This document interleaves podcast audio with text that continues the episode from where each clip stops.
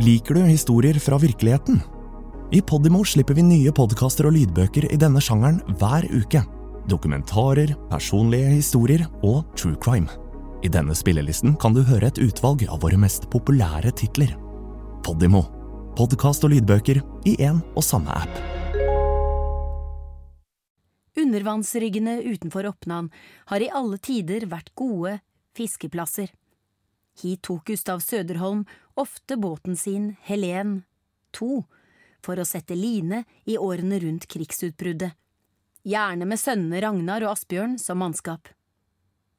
Begge guttene hadde vært fiskere helt siden de var ferdige med folkeskolen. Ragnar var seks år eldre enn broren. Han var godt likt og såpass erfaren på sjøen at han også dro ut som mannskap på andre båter gjennom sesongen. Godt likt var også Gustavs nabo, Markus Carlsen. Markus hadde ikke egen båt, og var avhengig av å få stå om bord hos andre. Da var ordningen slik at han arbeidet sammen med båteieren og tok sin tørn, men hadde samtidig sin egen linestamp og fikk beholde det han tok på egen line.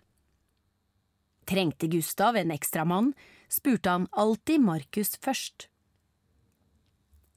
De to karene var jevnaldrende, begge født i kommunesenteret Kjellvik og begge bosatt i det nærliggende Kamøyvær. De var vokst opp med den lokale folklåren. Når de lå med linene sine utenfor Oppnan, hendte det nok at de skuet inn mot det forlatte fiskeværet og tenkte sitt om de kraftfulle tilstandene som hadde rådet der i gamle dager.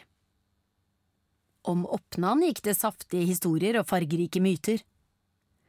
Kontrasten mellom den aktive middelalderen og den mørke ødemarken som stedet var blitt i nyere tid, ga god næring til fortellingene. Oppnanværingene hadde vært beryktet for sin grundige håndtering av de omreisende sjarlatanene som tidvis dukket opp på kysten. I Oppnan gjorde de prest av dem, fyrte ringene på vedovnen glødende og tredde dem nedover hodet på de fremmede lurendreierne. Ryktet om hvordan man kunne bli mottatt i Oppnan gikk langt, og slik ble stedet etter hvert spart for besøkende løgnhalser og bedragere. De som bodde i Oppnan fikk også ord på seg for å være redningsmenn for hele Magerøya.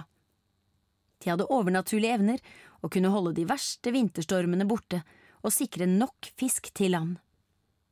Mange fattige rundt om på Magerøya skal ha overlevd takket være denne mytiske nødhjelpen fra oppnanværingene. Fiskerne i Oppnan var dessuten sett på som noen ordentlige råtasser som rodde fiske både hverdag og helg, og flere av dem er navngitt og bøtelagt for brudd på helligdagslovene. Og fordi de hadde en lei tendens til å løse personlige konflikter med kniv og slagvåpen.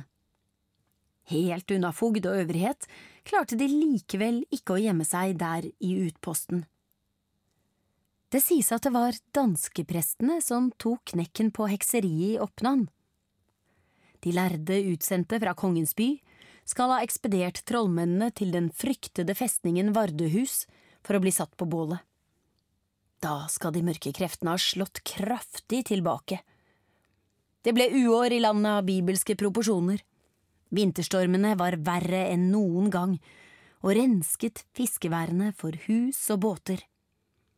Uvanlig sommervarme og insektsvermer tok knekken på fisken.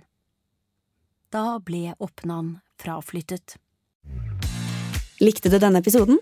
Så del den, da vel! Fortell en venn hva du hører på, og gi følelsen av god lytting i gave til noen du bryr deg om.